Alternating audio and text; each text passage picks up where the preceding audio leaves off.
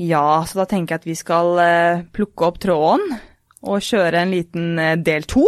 Første Mhm. gang vi gjør det i podden. Ja, en gang må være den første, er ikke det man sier? Jo, og jeg tenker at eh, vi har jo snakket en del, en del om da trening og kommet inn på restitusjon, og så er jo da næring er jo en veldig stor del. Altså mat og hva vi spiser er en veldig stor del av denne restitusjonen. Så det Jeg er jo veldig Jeg syns det er veldig interessant å gå inn på litt om rundt kosttilskudd og rundt eh, eh, Jeg spesielt da, og lurer jo veldig på dette med, med forskjell på karbohydrater f.eks. For, eksempel, for jeg spiser jo ganske mye sukker, men jeg trener ganske mye også. Så jeg, jeg bare forventer at du har noen eh, sånne quick, quick tips og noen sånne skal drive og, og kaste slegge, alt jeg på å si, kaste slegge på meg i forhold til det. Ja, det er eh, iallfall et interessant tema. Ehm, men eh, det at du Nå veit ikke hvor mye sukker på en måte du spiser og sånne ting, men eh, man kan jo snakke litt generelt om det. eh, for det er jo hvor mye, la oss kalle det enten sukker eller raffinerte karbohydrater, eller sånn prosesserte karbohydrater man kan eller bør innta. Det avhenger jo litt av hvilken type individ man er. Ja. For det er forskjell på Ola Nordmann som kanskje sitter på kontor, altså har en stillesittende jobb, eh, kanskje ikke trener i det hele tatt, eh, versus da deg, ja. som eh, trener Du har vel kanskje, jeg vet ikke om du har det som regel, men ofte kanskje to økter om dagen? Ja, det har jeg, så jeg tenker at det, det burde jo være noe vi kan eh, snakke videre om, og også det at det er sikkert veldig mange som da har hatt ferie nå, som har eh, spist, eh, spist en del usunt da i løpet av ferien, og at de, de tenker på at alle skal komme seg inn i en sånn ny rutine, eh, og fort kan det bli en sånn, føler jeg, sånn slankehysteri eller sånn diettrender som begynner å gå på også, så det er jo sikkert noe vi kan touche innom. Men eh, jeg tenker at eh, vi skal eh, roll on og ha ganske mye spennende å snakke om eh, videre nå. Yes, Så velkommen til Fysisk for psykisk.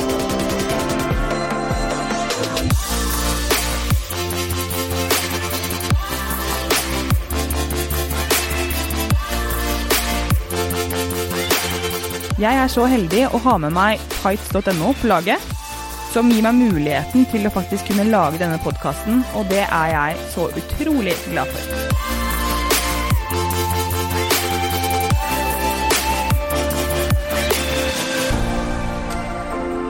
Men før dagens episode har jeg en hilsen fra Tights. Vår sponsor og samarbeidspartner, tights.no, har veldig spennende ting på gang. De har akkurat lansert ny logo og oppgradert nettsidene sine med et nytt, fresht og forbedret utseende. Og I den forbindelsen feires det med stor kampanje, og det er helt unike priser på det enorme utvalget de har å tilby. I alt fra klær, treningsutstyr, matvarer og kosttilskudd er det lite du ikke finner til din smak og livsstil.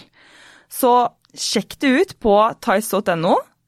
Og nå skal vi komme i gang med dagens episode. All right. Så, så du lever jo et for, for øvrig et veldig sunt liv. Ja, det vil nok mange si, ja. Det det. Hvordan man nå enn definerer det, men folk vil nok si at jeg lever et eh, ganske sunt liv, ja. Ja. Eh, Du, hvert fall, eh, du påvirker i hvert fall de fleste, f.eks. meg, med da bl.a. Kolonihagen eh, ingefærbrus, er det det der? Hva er det for noe? Ja, det kan nok stemme det. At det er noe ingefærbrus, og så er det én ting som faktisk hvor jeg føler at jeg har fått, eller hvor jeg har, la oss kalle det influenset folk, det er kanskje rundt frokostene mine. For det har jeg fått veldig mye tilbakemelding på, liksom, at folk ønsker, eh, eller sender meg melding på DM eksempel, bare sånn, ja, se, se frokosten min og alt mulig rart, så virker som mange blir eh, inspirert der, så det er veldig hyggelig at eh, frokostene mine kan eh, inspirere litt. Jeg liker bare å sende deg en sånn DM, jeg bare skriver hashtag influenser. Ja. Fordi jeg selv begynner jo sant, å kjenne at disse fargerike tallerkenene og sånn, nå begynner å etterligne. Så begynner jeg å skjønne, slutt, nå må du ikke si noe til Andreas, for at han skal ikke få noe mer eh, creds. Jo da, du skal det. Du skal få masse creds. Du er kjempeflink, og det er veldig bra at du inspirerer på den måten, fordi at jeg føler jo at dette som um, du var inne på i introen, at det, handler jo veldig om hvilken type individ du er i forhold til hvordan du kan spise, og også hva du burde spise. Uh, og så handler det da om det går fra et helsemessig perspektiv, eller om det går fra et fettprosent, la oss si det, perspektiv, da, mm. om vekt. Og det er jo totalt forskjellig i forhold til helse og sunnhet. Fordi for meg så føler jeg at jeg spiser ofte ikke så sunt som jeg burde, bare fordi at jeg skal få i meg nok kalorier for, den, for å restituere eller få i meg nok i forhold til den treningen jeg gjør i løpet av en mhm. dag. Da. Mm. Ja, og det er, det er, her også man må se på kanskje eh, det helsemessige versus Eller helsemessig for Ola og Kari versus da prestasjon. Eh, for en som trener mye. Eh, mm. For hvis vi tar sukker, eller tilsatt sukker, eller veldig raffinerte eh, eller produkter da, som inneholder mye raffinerte karbohydrater, altså la oss kalle det raske karbohydrater, da, bare for å kalle det noe, siden folk ofte har et forhold til ordet raske og langsomme karbohydrater, mm. så er det jo eh, å anbefale på generelt grunnlag at Ola og Kari prøver å fokusere på å uh, ha et relativt lavt inntak av uh, la oss kalle de raffinerte karbohydratene og tilsatt sukker og sånne ting, at man heller da bør ha mer fokus på karbohydrater som kommer fra frukt og grønt og bær og fullkorn og hele den regla der, fordi det også til dems livsstil da, og helse, så vil det være hensiktsmessig. Men for en som da trener ekstremt mye, som har et høyere energibehov, Eh, og kanskje trenger å få i seg en ganske stor mengde karbohydrat, så eh, vil det kanskje også være en stor fordel å faktisk spise mer av det raffinerte, eh, altså de raske karbohydratene. Og litt av grunnen til det også er jo fordi de raske karbohydratene det inneholder jo heller ikke så veldig mye fibre, blant annet. Vi vet jo at fiber det Kan ikke det for det, eller? Eh, ja, det er ikke bare det, men det gir ganske god metthetsfølelse. Og å ha en veldig god mett, altså bli veldig mett, hvis du skal få i deg veldig mye, det er ikke ja. nødvendigvis positivt. Nei.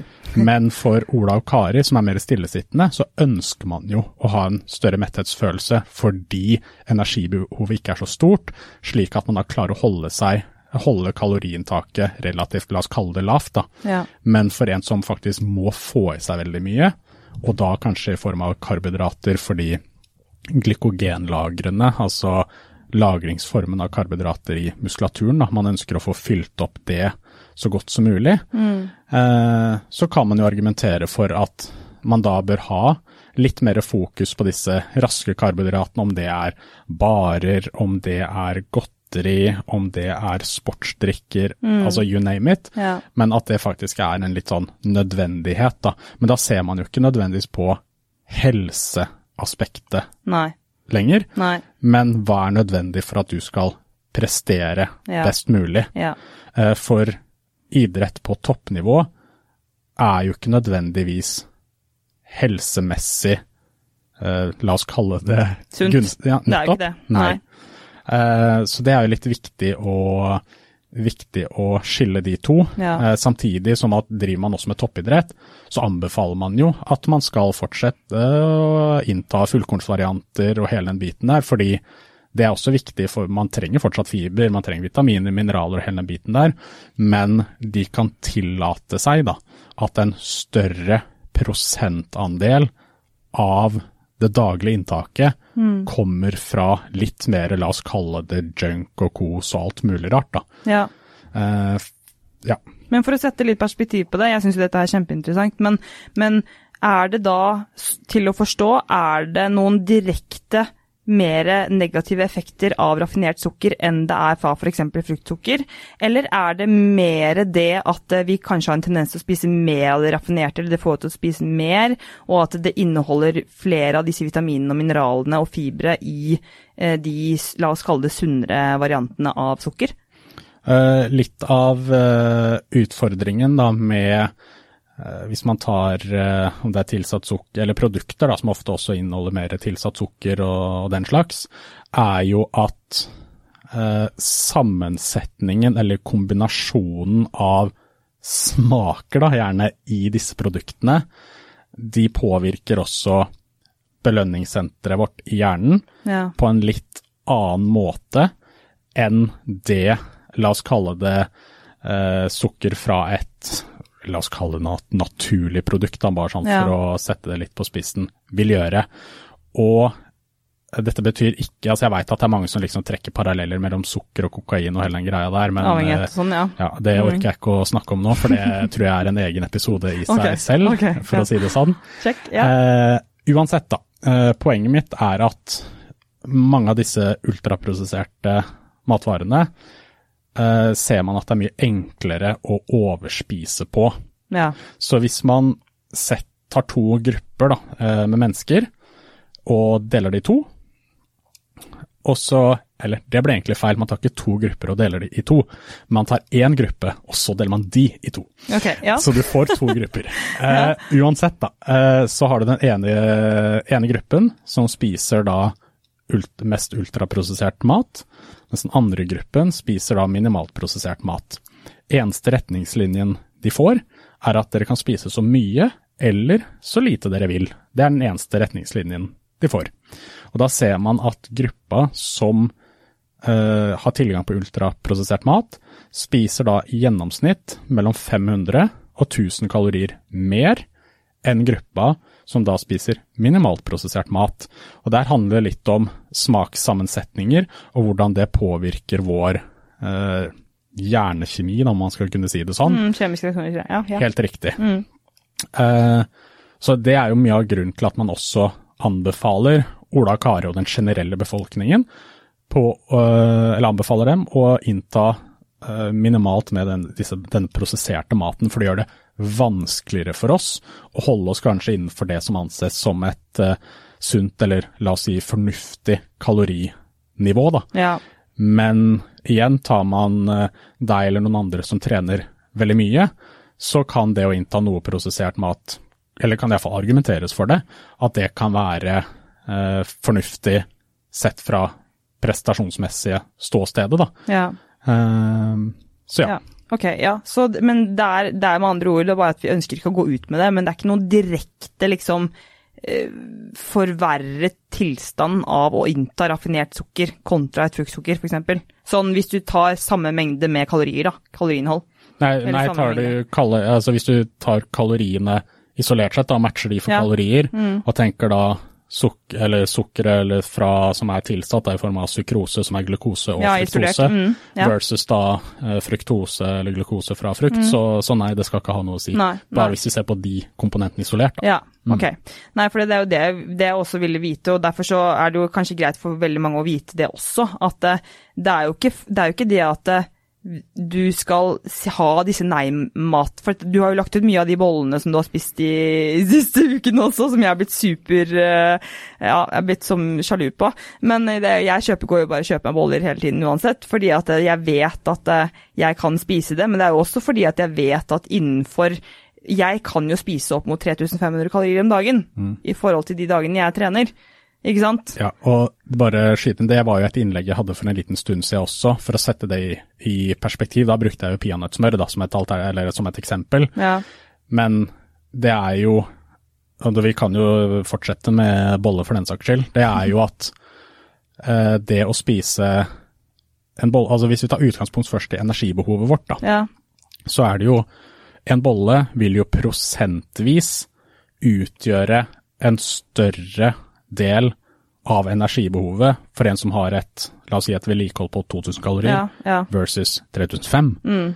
Så både person A og B kan tillate seg å spise en bolle, Ja. men kanskje ikke gjøre det hver dag for person A, for det handler jo litt om å gjøre det enklest mulig for seg selv å holde seg innenfor de, de kalorirammene, da. Ja. Og spiser du da eh, to boller eller tre boller, så er det sånn ja ja, da var det dagsbehovet liksom mm. nesten nådd, så har det ikke plass til så veldig mye annet. Mm. Nei. Så det prøve å se litt sånn på det sånn prosentmessig, da. Eh, spiser man veldig mye kaloritett mat, som inneholder veldig mye kalorier, så kan du kanskje ikke spise så veldig mye av det. Hvis, eh, hvis energibehovet ditt er la oss si 2000 kalorier, da, eh, så bør man da heller ha fokus på mer av det som er eh, næringstett og ikke så energitett, og gjerne litt ha enda større fokus på at frukt, grønt og bær skal utgjøre en mye større andel av kostholdet ditt, fordi frukt, grønt og bær, det eh, gir veldig god metthetsfølelse per kalori tilført kroppen. Ja. Eh, mens eh, de som har et eh, Jeg veit jo en eh, kompis av meg, folk vet jo sikkert eh, hvem det er, men en shout-out til eh, Sigvard uh, Garefors. ja, ja, ja. Eh, så eh, han har jo, eh, om han gjør det fortsatt eller ikke, veit jeg ikke, men en periode liksom, hvor han spiste en boks med Ben Jerry's hver eneste dag Ja. fordi han trengte det for å nå kalorimålet sitt. ja. Uh, men uh, igjen, en uh, som jobber på kontor stillesittende og ikke trener, bør kanskje ikke spise en Ben Jerry hver eneste dag. Nei. Så her igjen kommer jo eh, kommer litt an på livssituasjonen og sånne Ja, ting. det gjør jo alltid det. Det gjør jo alltid det. Det kommer an på hvor mye du er i aktivitet, hvor mye du forbrenner, hvor mye du, behovet ditt rett og slett er i løpet av en dag. Ja. Men det er jo derfor at det, veldig mange kan sikkert kjenne seg igjen der, og jeg hører det helt støtt og stadig at åh, ja, men hun der, ikke sant, se, altså, hun, hun er så tynn, og du kan spise hva du vil, liksom. Ikke om meg, da, men altså om da mennesker som kanskje ikke trener, da, men som spiser hva de vil. Men så ser jeg utenfra, som vet hva, som, hva dette innebærer. Ja, det er lunsj. Hun spiser en bolle til lunsj. Det er må ett av hennes tre måltider i løpet av en dag. Hvis det er det hun spiser til lunsj, så er ikke det veldig gunstig sånn i forhold til energi og hva du får i deg. Så hvordan, hvordan hun helse, altså på et, fra et helsemessig perspektiv spiser, er jo ikke det sunneste. Nei. Men da er det bare at folk tenker at ja, men de vil bare se tynne ut, ikke sant. Så da, da er det det som er eh, det som skal forespeile sunt, sunnhet, og det er det ikke. Nei. Så derfor så vil jeg jo snakke litt rundt det også, fordi at det, jeg har jo ehm, Jeg spiser mye sukker, veldig glad i sukker, og legger ut mye av det, og veldig mange er veldig glad av at jeg legger og deler, ut- deler mye av det. At jeg tar meg et glass vin i ny og ne, det er jo også et, en ting som jeg tenker at vi kan snakke om hvordan alkohol påvirker, men, men det, er, det er jo ikke store mengder, men jeg tar meg eh, litt alkohol i ny og ne, eller at jeg spiser godteri, eller at jeg spiser Folk digger jo at jeg legger ut at jeg spiser usunt, men det er jo bare Ja, men jeg spiser jo grunnleggende veldig eh, veldig sunt og spiser ofte veldig mye ris, veldig mye pasta, veldig mye brød, altså ting som har, er veldig kaloririke, da, eller karbohydratrike. em, for å få i meg nok i forhold til min trening og i forhold til min livsstil. Men det vil ikke nødvendigvis si at eh, fordi at jeg spiser veldig mye sukker og sånn, og jeg kan gjøre det, at det er eh, kjempegunstig for meg isolert og sånn helsemessig sett, da. Så jeg tror at det, er, det er litt hva folk syns er viktig, og hvorfor, hvorfor vi kan gjøre som vi gjør. Og ja, jeg sier jo alltid det, at når min livssituasjon endrer seg, så kommer jo sikkert det til å endre seg, de cravingsene jeg også har etter karbohydrater. Men det vil ikke, vil ikke legge bort det faktet at jeg er utrolig godtemoms og søtmoms, og jeg elsker jo godteri, men kanskje må prøve å være litt mer restriktiv i forhold til hva jeg spiser, da. Ja, senere, tenker du? Ja, Når- senere, ja. Når jeg trener eh, mindre. Livsstilen endrer seg. Ja, når livsstilen endrer seg. Ja, Mm. det er helt riktig. Det, Men det ser man jo eh, litt eh, en sånn Man ser jo det hos de som har drevet ofte med toppidrett og trent sinnssykt mye. Mm. Eh, så er jo nesten det en oppgave i seg selv å legge om kostholdet når de legger opp. Nei, ja. Eh, fordi mange av de ender med å gå opp ganske mye også Mm. etter karrieren sin, fordi de opprettholder sitt gamle spisemønster ja. mens aktivitetsnivået går ganske kraftig ned. Mm. så det er jo også en liten sånn der eh, øvelse i seg selv, og faktisk hvordan, hvordan er det man da må begynne å, begynne å tenke, da, for man kan ikke spise på samme måte. Um, Eller var- innfri at du tillater deg selv å gå opp litt. Det er Jo, jo, sikkert noe jeg også kommer til å gjøre. Jo, bare, ja, ja. Sånn det, liksom. Mm. Ja, ja. For en eh, litt avhengig av idrett, liksom en toppidrettskropp, det er ikke nødvendigvis sunt i det hele tatt. Nei. Så mange har, en, eh, har godt av å gå opp en Mm. fem-ti kilo, liksom. Nettopp. Så det er, det, det er veldig fint, men jeg tror at det er veldig fint å snakke, snakke om det, for jeg tror veldig mange eh, sikkert som meg også, lurer på det, i forhold til at du ser jo veldig mange som spiser Ja, at sukker kanskje ikke er det verste direkte etter trening mm. eh, i forhold til karbohydratene du får i deg, og så kommer du an på hva du trener. Mm. Altså veldig stor forskjell på styrketrening kontra kondisjonstrening, for eksempel. Enormt. Enormt mm. stor.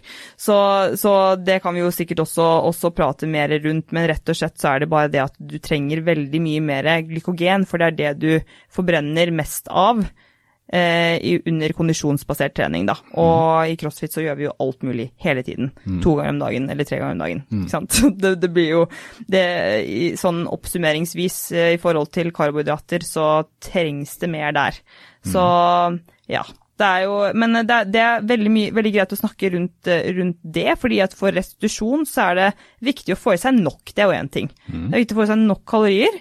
Eh, og veldig mange Hvordan blir det da i den andre del, enden av skalaen i forhold til at eh, når folk skal begynne med vektreduksjon, og nå som det kommer til etter sommeren, da, så er det jo veldig sikkert veldig mange som da har, har beveget seg mindre.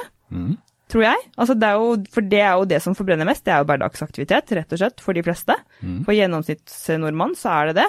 Og når man da beveger seg mindre, og du i tillegg da vet at det er ferie, du spiser sikkert litt ekstra, og du kanskje hadde jobbet masse for sommerkroppen 2021 før, du skal, før det er sommerferie, og så bare lar du alt gå ut vinduet føler veldig mange. Uh, og dette her snakker jeg om, med veldig mange om, og at det er sånn nå, nå skal vi finne tilbake til rutinene.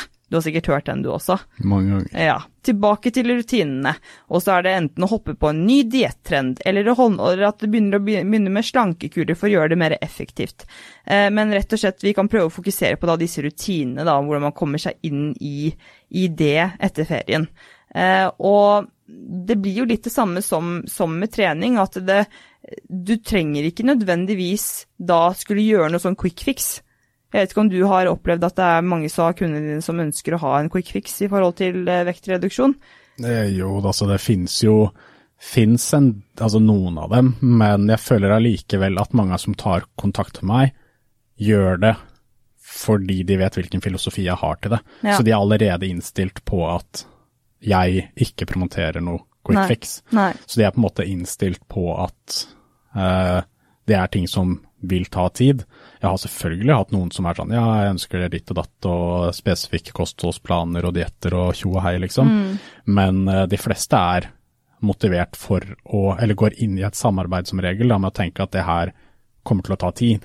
Man ønsker å lære seg de, uh, eller få de verktøyene man trenger da, for å kunne ha en uh, hva skal man si, ha disse gode rutinene ut resten av livet, slik at man slipper nettopp det her med å, at man trener ekstra hardt før sommeren, og så går alt til helvete, og så skal man tilbake igjen, mm. og så mm. blir det en sånn dum syklus. da. Mm. Men at man klarer å eh, holde disse rutinene eh, hele tiden, da. også når det er sommer, at man tenker litt over Uh, hva man spiser, og at man forsøker å være litt i aktivitet, så det ikke blir sånn alt eller ingenting. At sånn, ok, nå trener jeg kjempemye før sommeren, og så er jeg fri i sommeren, og da skal jeg spise kjempemasse, og jeg skal grille og kose meg. Altså, og det er ikke noe galt i å grille og kose seg, men det, det blir så sånn Det blir så uh, på si motsetningen fra hva det vanligvis er, da, for da går man fra å trene kjempemye, spise kjempelite fordi man liksom skal bli i form og alt mulig rart, og så uh,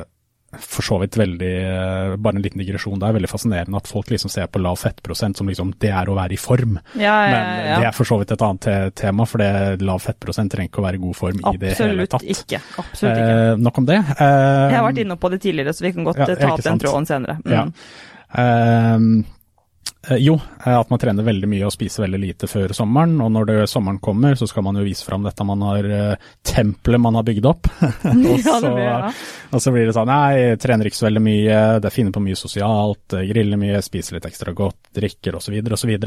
Og så blir det til at man faller litt sammen igjen, og så tenker man åh, nå føler jeg meg ikke spesielt bra. Og så skal man komme inn i disse rutinene igjen, så istedenfor da at det blir så mye sånn opp og ned, opp og ned, opp og ned, da, så ja. prøver man å holde det ganske jevnt gående hele tiden. At det blir en litt mer sånn, veit ikke, kall det gjerne en livsstil, da, som man uh, kan leve ja. med. Ja, absolutt. Og det er Eh, jeg er helt enig i det, men du finner jo ofte at eh, jeg tror for veldig mange merker jeg i hvert fall at uansett så vet man at disse tankene dukker opp, i hvert fall hvis det er noen som har et litt anstrengt forhold til, eh, til dette, da. Mm.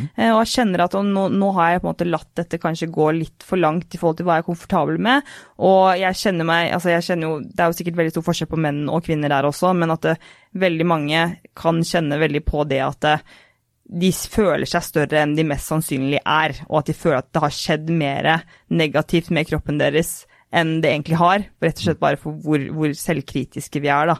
Men jeg tror at det, det å Det å skulle være restriktiv etter ferien fordi at du har hatt det bra, eller fordi du har lagt på et par ekstra kilo, det er ikke bra verken fysisk eller psykisk for eh, da når vi er inne på restitusjon, eller for kroppen vår, rett og slett. For, for vår, vår funksjon. Så det, det er bare det å komme tilbake til der hvor vi kanskje vanligvis er, uten å tenke noe kjempemye over det. For jeg tror ofte at det kan, selv om du som du sier finner en balanse, at du alltid har lyst til å holde de samme rutinene og ikke gå for mye ut av det, så tror jeg det er veldig mange som kjenner, og jeg kan vite at jeg har vært der selv, at du kjenner på den at eh, ja, men ja, men jeg kan jo liksom bare prøve å kutte alt av, bare ta litt, nei-mat i en måned, liksom, eller bare ha en sånn sukkerfri måned og bare go a little wild og bare kjøre på med bare salater, ikke sant. At man, at du har lyst du, på et eller annet plan så har man lyst til det, bare fordi at du kjenner at ok, fader, nå skal du, nå skal du vise at du kan eh, komme tilbake der hvor du var. Men det vil ikke Det vil påvirke psyken din ganske negativt. Eh, Kan jeg egentlig si med, ganske sikkerhet for veldig mange. Eh, hvis du ikke er eh, helt eh, eh, veldig kald da, av deg, så, går det jo, så vil det påvirke deg ganske mye. Og så vil det jo påvirke det fysiske, fordi at jo mindre du spiser, jo mindre energi har du i hverdagen. Så det vil jo ikke hjelpe det heller, for veldig mange har jo ikke nok hverdagsaktivitet fra før av. Nei, det er de færreste som oppnår. Ja. Det er det. Så jeg tenker at eh, i hvert fall der, når du kommer til det, så, så vil vi i hvert fall prøve å gi den en sånn baseline, for vi hadde jo forrige episode snakket vi om trening, at det handler om å ise inn i treningen og være ganske rolig fra starten av, og ikke starte for hardt. Og det, med kostholdet så tror jeg det starter er litt det samme, at du ikke starter for hardt, men at du faktisk bare er litt snill med deg selv og, og bare tenker at ja, men hva er det jeg gjør til vanlig, da? Jeg har jo et vanlig, normalt kosthold til vanlig. Ok, men kanskje jeg har vært litt for unnvikende av det vanlige kostholdet i noen uker. Da er det bare å komme seg tilbake. Altså, etter et par dager så føler du deg jo veldig mye bedre ved å komme tilbake til de rutinene. Ja, ja. Det er bare å komme eh, For, for veldig mange, da, så er det jo å komme seg bare tilbake til det man normalt sett gjør. Ja. Det er jo normalt i sommer at det blir bedre, både mer is og alkohol og kanskje litt mer fettholdig mat og kaloririk mat og sånne ting. Så det eh, Så lenge man kommer seg egentlig tilbake til noen av de rutinene man hadde, fordi eh, alkoholinntaket det går ned automatisk, isinntaket går sannsynligvis ned automatisk. Eh, Man holder seg mer til eh, la oss kalle det vanlig måltidsrytme, da, som kanskje er en frokost, lunsj, man pleier å ha ca. det samme til middag, liksom, Ja. hele den biten der. Ja. Så istedenfor å tenke at man skal snu opp ned på hele verden, så er det bare å prøve å gjøre akkurat det man har gjort tidligere, gitt at iallfall det har, det har fungert, da. Eh, så ja. Men ja, så bra. Og det er jo eh, Ja, du var jo inne på alkohol, så det kan vi kanskje komme litt inn på sånn, sånn eh, eh, etterpå. Men jeg vil jo fortsette litt den tråden i forhold til restitusjon. Eh, fordi at eh, det vil jo være, være med på å påvirke restitusjonen, det også, vil jeg anta, alkoholen. Men hva med kosttilskudd? Hva med kosttilskudd? Fordi at der får jeg veldig mange spørsmål, og det er jo alltid 'hva bruker du?' og så tenker jeg bare Du skulle bare visst. Jeg tar så mye som kanskje magnesium noen ganger, hvis jeg kjenner at eh, jeg føler at jeg trenger det, men, men det tror jeg er mer placeboeffekt i mange tilfeller. Fordi at jeg tenker jo at hva, hva, skal, hva, skal det, hva skal det hjelpe? Ok, Man tar det fordi at man har blitt påvirket på en eller annen måte til å ta det, for at man har hørt at det er bra. Det er iallfall ikke fra meg. Nei, er det. Nå ser jeg på deg, det er du som har influenset meg. Nei da. Det er eh, Jeg tror at eh, det her er bare noe jeg har fått eh, Det husker det var det jeg skulle gå gjennom med en ernæringsveileder da jeg hadde mye problemer med magen og visse ting jeg skulle ta. Og så var det en av tingene som han mente at jeg skulle ta for Som skulle bedre restitusjonen min, da. Eller muskel... Altså at musklene får slappe mer av, så jeg klarer å sove bedre. Mm. Hva er din tilnærming til kosttilskudd? Andreas? Uh, ja. Nei, altså hvis vi prøver å tenke på viktigheten, da, hvis vi tar uh, både trening og kosthold, uh, kan jo ofte deles inn i noe som kalles en, la oss kalle en treningspyramide og en kostholdspyramide. Mm. Og hvis vi holder oss til kostholdspyramiden, så tenker vi jo på bunnen på pyramiden, det er jo den bredeste, altså det som er det viktigste. Mm. På toppen så har du på en måte, la oss si spydspissen på pyramiden, det er det som er minst viktig. Uh, og så ser man jo nederst, altså fundamentet i pyramiden i et kosthold, bør jo være etterlevelse. Det er det aller, aller viktigste. Og det vil jo si, har du et kosthold du klarer å følge eller leve med, eller hva enn det måtte være, det er det viktigste. Og så kommer jo uh, energibalansen vår, altså kaloriunderskudd, kalorioverskudd osv. Uh, og så kommer jo da makronæringsstoffene våre, fett, karbohydrater, proteiner, hvordan det er bygd opp eller bygd opp, faktisk satt sammen. Mm. Og så kommer jo da mikronæringsstoffer, altså vitaminer, mineraler osv. Og, så videre, og, så og så begynner vi å bevege oss opp mot eh, toppen, og helt, helt, helt på toppen så har vi bl.a. kosttilskudd. Ja. Så sånn sett så er jo, ser vi på kostholdet da, hvilken effekt kosttilskudd har, så er eh, det ekstremt lite viktig. Problemet ofte er jo at 99 eh, av folk som eh, driver med trening, har snudd denne pyramiden opp ned. Så de starter med kosttilskudd. Eh, ja, det er ofte det som skjer. Så, Proteinpulver og kosttilskudd. Ja, ja. Det er liksom sånne, de, de, tror det er det som er det viktigste. Ja. Og så går jo alt annet, altså fundamentet, det de eksisterer jo ikke. Så de tror at helt nederst så er det kosttilskudd, det er det viktigste. Og helt øverst så har du liksom, om det hadde vært la oss si energibalansen vår, da, overskudd, underskudd osv. Men eh, så kosttilskudd, veldig lite viktig eh, for eh, de aller fleste. Men kosttilskudd kan absolutt ha, ha en effekt. Men nå veit ikke jeg hvor mange kosttilskudd det finnes der ute. Altså Det er jo så sinnssykt mange navn som jeg aldri har hørt om før. Og bare ting som florerer av visse ting som tydeligvis har vært i trend. Altså, men for, det er sånn, Jeg har ingenting imot at du tar kosttilskudd, men bare vit hvorfor du skal ta det. Ja. Ikke bare ta det for å ta det.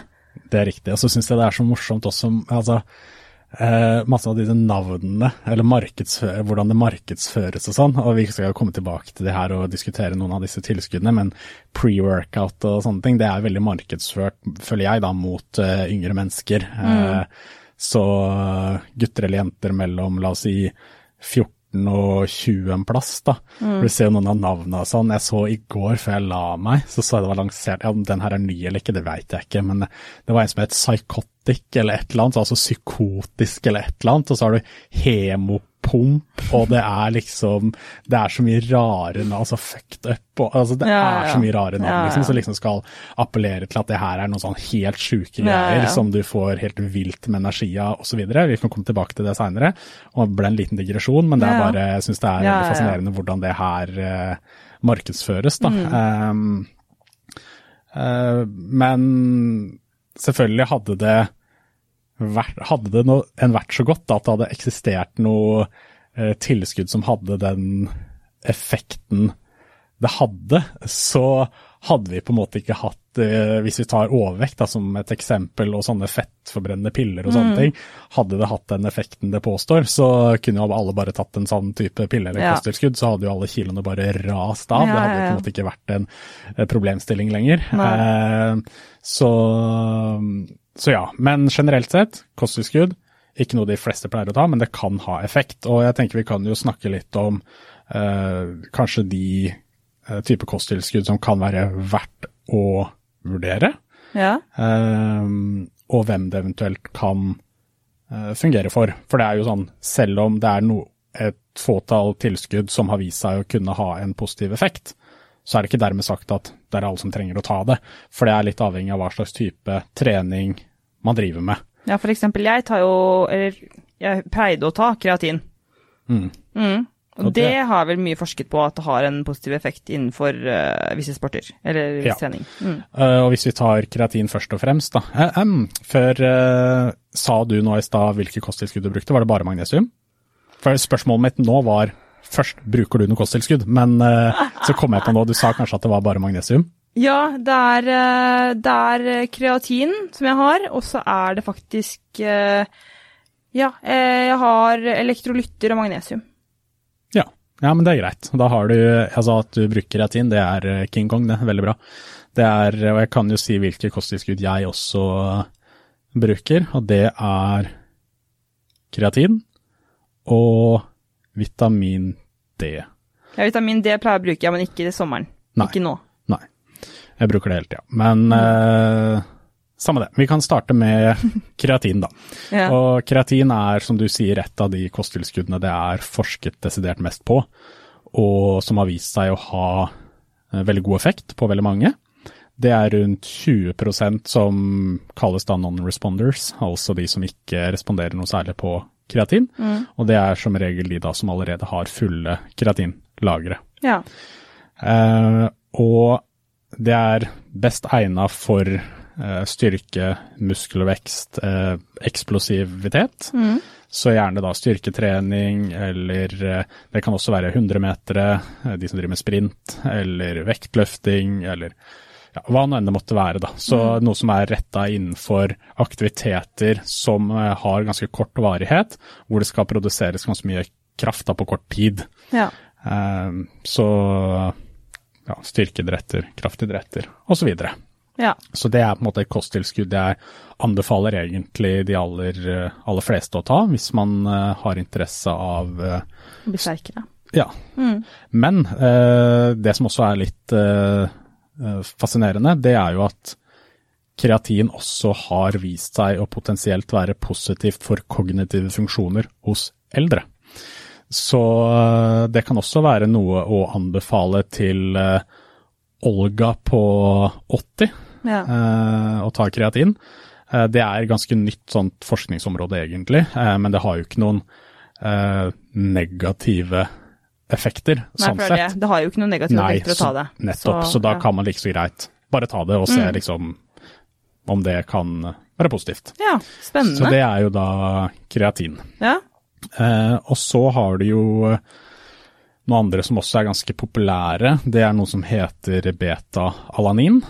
Beta-alanin det finner man så å si alltid i disse pre-workout-produktene. Der ble jeg influenset, det må jeg bare si, digresjon. Der ble jeg influenset på Instagram og tenkte oi, det må jeg også begynne å ta, for det er tydeligvis bra for eh, min sport, da. Mhm. eh, og for melkesyre, lakta... Hva er det? Av, Var, eh, er det lenge siden? Eller for jeg veit at han eh, hva heter Matt uh, Frazier, nei, Ja. hva heter han? Ja. Jo, eh, han har vært veldig mye ute Ja, og og snakket om det. Ja. Sånn, Så ble jeg influensa, og så finner jeg det. Å, shit, ja, for det, det hadde de på tights.no. Og jeg bare, vet du hva.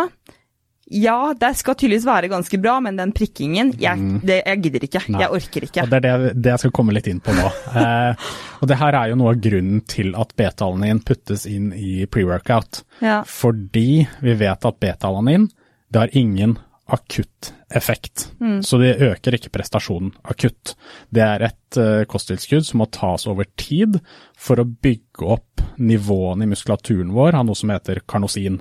Ja. Spiller egentlig ikke noen rolle, men nå veit du det. Ja. Eh, og som du sier, så skal jo det fungere som en buffer mot melkesyre. ja. Så det kan jo være greit hvis man driver med la oss si mellomdistanseløping, da, hvor du har melkesyre langt opp etter øra. Mm. ja, for eller- du skal alltid ligge på terskel eller litt over, liksom. ja, gått over. Eh, eller i crossfit hvor det er hæla i taket og tenna på ja. hele tida. Så kan det være greit å ha et kosttilskudd som kan uh, motvirke litt merkesyre. Ja. eh, Så man kan holde litt lenger. Ja. Um, men jo, grunnen til at det puttes da i uh, en pre-workout, er jo gjerne fordi når det begynner å prikke i, altså i huden, i ansiktet og det som er, så får folk en følelse av at å shit, det her må jo fungere. For Ja. det, er, det er noe man, man merker at ok, etter jeg tar det her, så får jeg en sånn type følelse i kroppen. Ja. Uh, og som sagt, det har ikke noe akutt effekt sånn rent, uh, rent fysisk, men det kan jo da ha en la oss si en form for placeboeffekt, fordi man veit at ok, det her det kribler litt, det prikker litt, shit, det her må funke, mm. så kan det også føre til at man presterer bedre også av placeboen, fordi man tror det fungerer. Mm. Um, liten, en liten uh, interessant greie der også. Det her, herregud, hvor mye digresjoner det blir her nå. Ja, men det, er men, det, det er angående sånn placebo og sånne ting, da, men ja. hvor man har delt inn også studiegrupper og sett på en gruppe mennesker som blir fortalt at de får steroider, oppnår ekstremt mye bedre resultater. Yes, jeg har den forskningen jeg har også lest. Yes, mm. Enn de som rått. bare trener, la oss si, vanlig, da. Mm. Selv om de ikke får steroider, Nei. men de pusher seg mye mer. Mm. Um, så ja. Det ja, det er ganske rått. Ja, men det er placebo har jo en ekstremt stor effekt, så, men det handler jo bare om da Det du snakker om nå, er jo da hvilke kosttilskudd som faktisk viser seg å ha en effekt på kroppen, og de vi ikke egentlig kan mm. se noe fast ved, da. Ja. Så, eh, siden folk eh, sikkert ikke Eller folk begynner kanskje litt å sånn falle av siden det er så mange digresjoner nå, så skal jeg gå litt tilbake igjen. Vi har snakket om kreatin. Det er å anbefale ja. eh, for eksplosive idretter og styrketrening.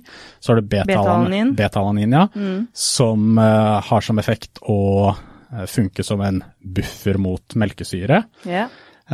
så kan vi gå til videre, så har du noe som kalles citrulinmalat. Uh, ja, det har jeg også hørt om mye i det siste. Mm, det har du nok. Ja. Det har også vært populært i crossfit-miljøet. Ja, okay. ja. Uh, og litt av effekten det har, er jo at det skal uh, bl.a.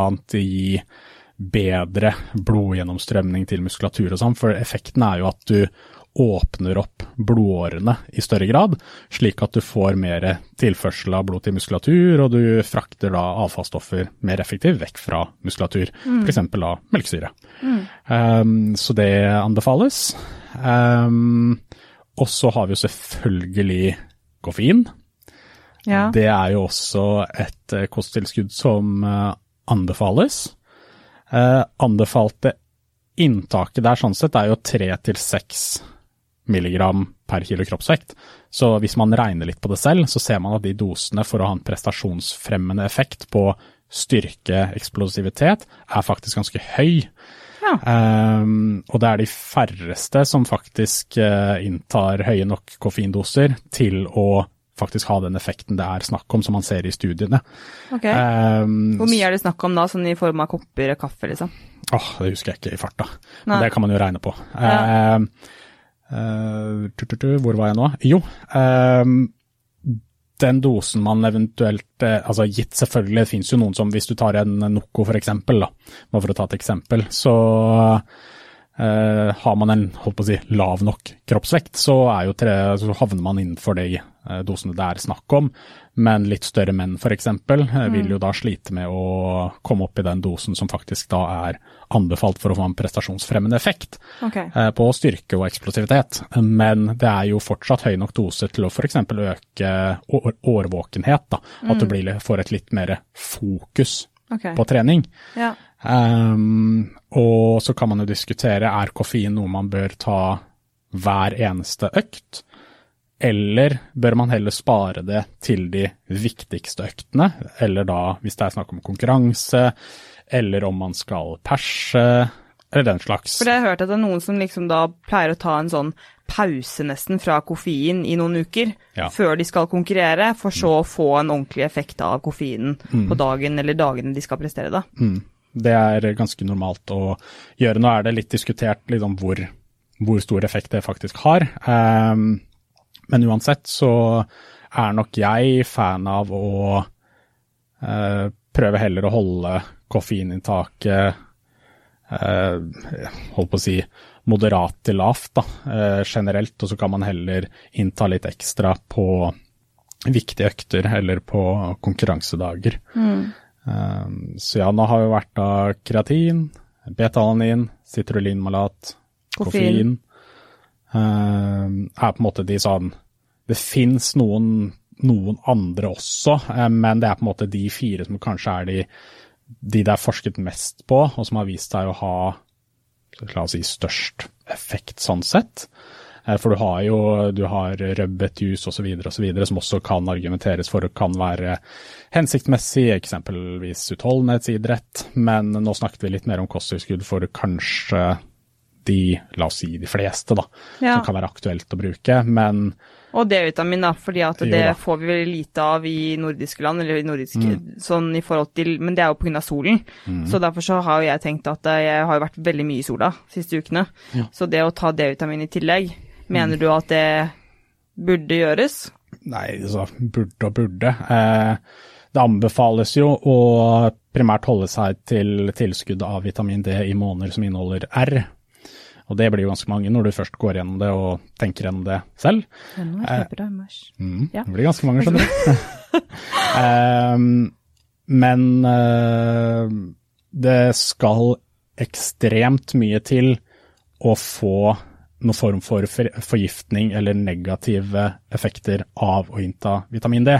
Det er jo et fettløselig vitamin, Ja. så teoretisk sett så kan man få en altså vitaminforgiftning av det. Men de studiene som er gjennomført, da skal du innta ganske sinnssyke doser over ganske lang tid.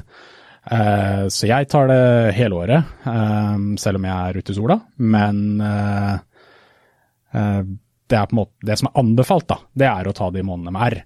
Men siden det ikke har vist å ha sannsynligvis så veldig stor negativ effekt, og det er gjort en god del studier på eh, toppidrettsutøvere og eh, Eller for det meste da, de som driver med toppidrett, og sett at en, å ha en litt høyere inntak enn det som er anbefalt, kan være positivt, ettersom vitamin D anses jo nesten også som et eh, forløper til hormoner, eh, som kan ha positiv effekt på både restitusjon, men også styrke, har man sett.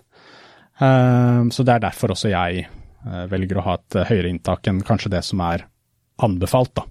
Ja. ja. Men sånn generelt, da, i hvert fall sånn når det kommer til kosttilskudd, så tenker jo jeg det nå at eh, du er jo veldig sånn på forskning, eh, og at hva som er bevist å funke og ikke funke. Men så, det er jo, som du nevnte jo også placeboeffekten, og hvor fascinerende det egentlig er. Hvor mye det har å si. Derfor så er det jo litt et sånt eh, paradoks eller sånt dilemma der, da. Skal vi si da at folk skal prøve å lese mer på forskning rundt kost, kosttilskudd av hva som faktisk fungerer og ikke, eller er det bedre å ikke si noen ting og bare la de tro at dette fungerer, fordi at det, da er det mulig at det fungerer? Og det er jo faktisk tilfellet for veldig mange, at de tar noe at det f.eks. noe som skal være bra for magen, eller noe som skal være bra for altså, det ene eller det andre, og det faktisk fungerer, da. Uten at det er noe farlig i det, eller at det er faktisk et lovlig middel å ta, og at det ikke er noen bivirkninger av det. Så be my guest, tenker heller jeg da. Ja, og det er jo, eh, hvis vi bare tar andre paralleller da, over til behandlingsverden, Ja. eh, så er det også mye som kanskje rent eh, sånn forskningsmessig da, har vist seg å ikke ha noe effekt utover faktisk placebo. Nei. Så er det sånn, skal man da gå veldig ut med det å si at det her er bare bullshit, Ja. eller skal man på en måte holde kjeft om det, Ja. og la de som faktisk får veldig god effekt av den placeboen, nyte godt av det. Ja. Så det er jo også en sånn vurdering man må gjøre. Ja. Um, Ja, det tenker jeg også, for da, når jeg tenker på det med at jeg syns jo eh, det må jeg jo bare nevne. altså Når vi snakker først om ernæring og kosthold og sånn, altså du finner jo alt inn på tights.no, og jeg syns jo det er så kult å bla gjennom der og se på forskjellige ting og bestille ting. Og blant annet så har de fått inn nå altså godteri med sukker, altså Haribo-godteri. Og det er jo noe av yndlingsgodteriet mitt, så jeg har jo bestilt masse av det som jeg skal spise på trening nå, og på kveldene og kose meg. Men, eh, men det er jo litt sånn, det er så fascinerende også å se alle disse forskjellige, men, men så merker jeg også at jeg hører så mange som, som har så mye effekt, da. Så bra effekt av disse forskjellige kosttilskuddene, og da er jo det kjempebra. Da har, jo egentlig, da har jo de produsentene egentlig oppnådd det de ønsker. Uansett om det er en sukkerpille eller hva det måtte være, så er det i hvert fall at det har skjedd noen ting. Og det er jo fordi at det viser bare hvor stor, hvor mye det psykiske påvirker det fysiske. Spørsmålet da, eh, da Det her er jeg litt nysgjerrig på hva du tenker der. Ja. Er det etisk korrekt å ta penger av noen hvis det ikke har en effekt utover placebo? Det er bare en nysgjerrighet. Jeg spør hva Jeg du syns det. Ja. Du, okay. du syns ja, det? Ja. Jeg syns det, i og med at hvis det, hvis det er en placeboeffekt i det, eh, med mindre grunnlaget for produsenten er at de ikke tror på produktet i utgangspunktet, da begynner vi å snakke om et helt annet eh, dilemma. Skjønner du Ja. hva jeg mener da? Jeg At hvis mener. deres motivasjon er at nå skal vi bruke så lite penger som mulig på å produsere dette her for at flest mulig skal kjøpe det, selv om det bare er dritt, da syns jeg ikke at det etiske er riktig, nei. Mm. Nei. Men hvis de selv tror på produktet, uten at det kanskje har noen sånn stor, betydelig forskningsbasert effekt, Mm. så ja, da syns jeg det er bra at de tjener penger på det. For da har de gjort en forskjell i noen sitt liv, Mm. som er positiv. Nå har det vært sommer, flere har sikkert drukket litt mer, som vi har vært litt inne på, i løpet av sommeren, og det jo, blir jo da en del av på en måte kostholdet. Eh, og jeg også er jo glad i vin, selv om jeg ikke er noen sånn stordrikker, så er jeg jo glad i alkohol. Men hvordan påvirker det sånn direkte kroppen vår? Og prestasjon? Nei, altså det er jo et godt, eh, godt spørsmål, og her kommer jo igjen, som alt annet, kommer mengder inn i bildet. Mm. men eh, det er jo helt klart at alkohol har en negativ innvirkning på prestasjon og restitusjon.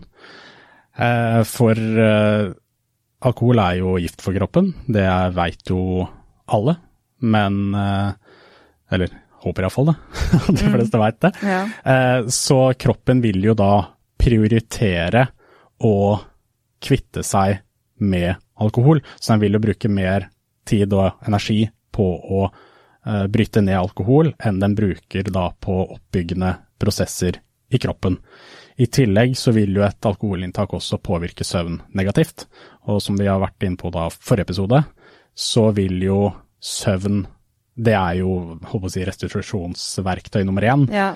Um, så det er jo først der det ligger at, la oss si, uh, restitusjonsprosessene blir satt litt på vent til alkoholen er ute av kroppen. Det er Ja. ikke sånn at den stopper opp, Nei. og at det er kun alkohol som blir prioritert. Eh, Kroppen er ikke sånn enten-eller, men den prioriterer ressursene sine litt annerledes. Ja. Så restitusjon blir satt litt på vent, i tillegg til også, som sagt, påvirker søvnen vår negativt. Iallfall også den dype søvnen, som også er noe av det viktigste.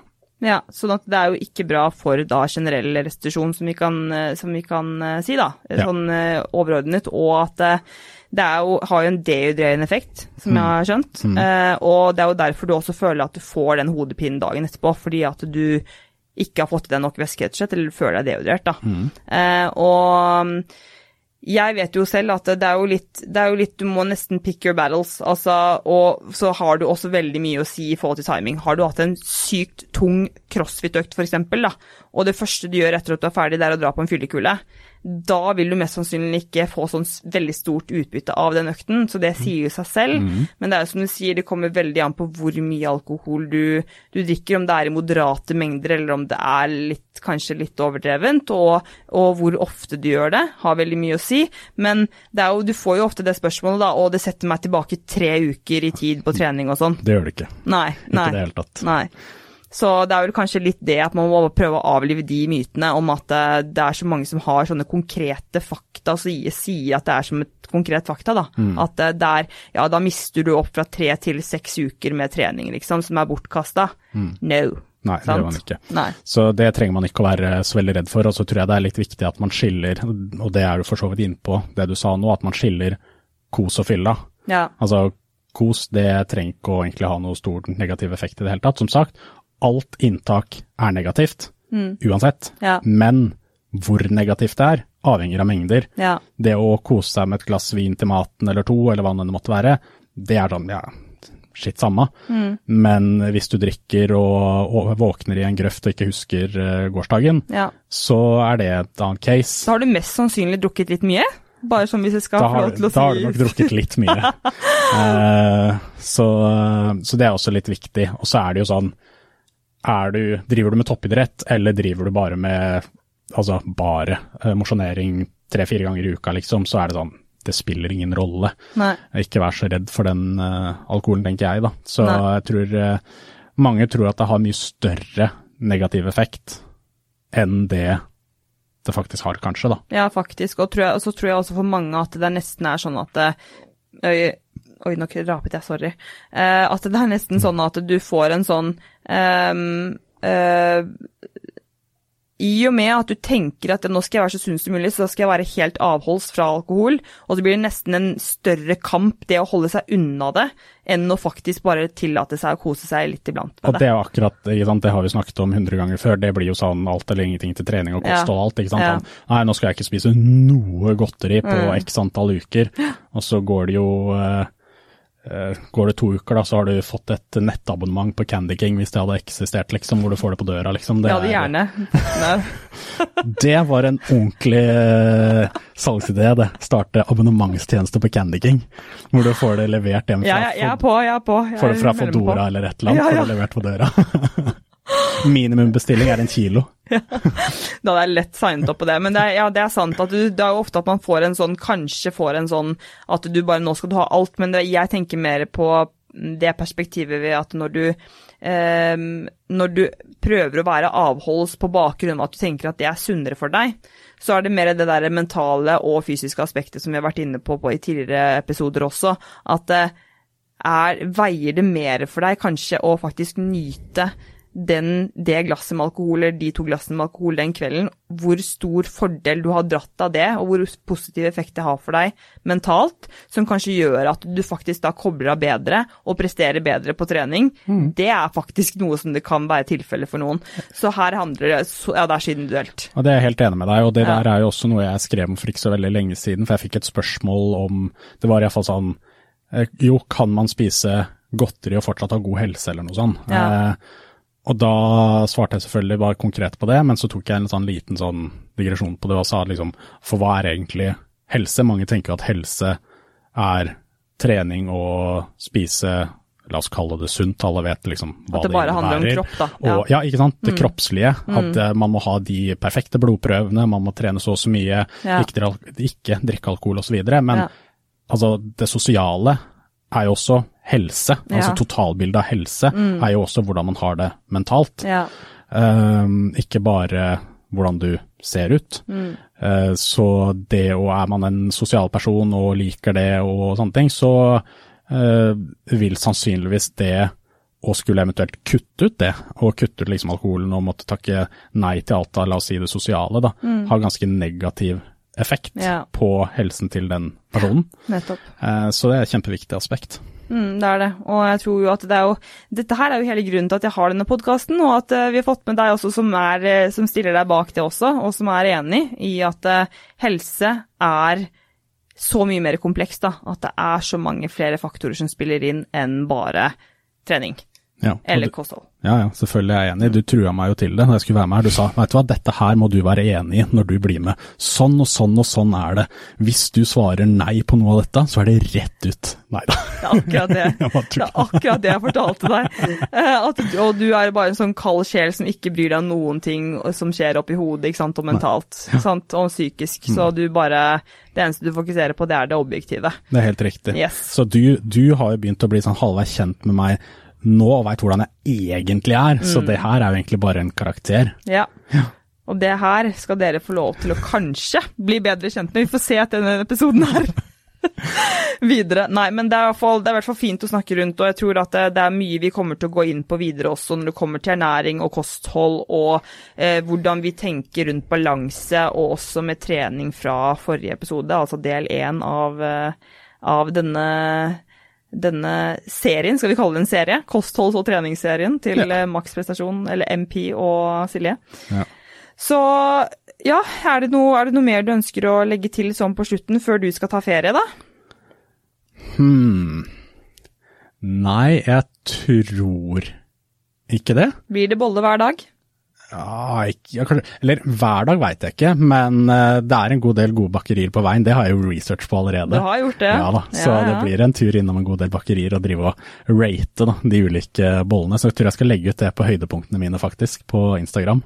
Fantastisk. Mm. Vet du hva, da, da, må du det, vet du hva, Jeg forventer faktisk at du tar med en pose hjem til meg. Jeg driter i om det er tørt, det er bare faktisk prinsippet bak det som er viktig. Ja, men det er greit. Ok, så Nei, men du, skal, du får kose deg masse, og sammen med flotte dama di, og så skal jo jeg da fortsette å jobbe videre, og jeg har kjempedeilig, syns jeg, å komme tilbake til rutiner. Jeg elsker jo rutiner, som vi har snakket litt om i denne episoden her. Så det blir bra, og da tenker jeg at uh, vi kan runde av. Iallfall nesten. Veldig raskt på tampen her. Ja. Ville du hatt fire armer eller fire bein? Og hvorfor? 3, 2, 1, fire bein. Fire bein, hvorfor det?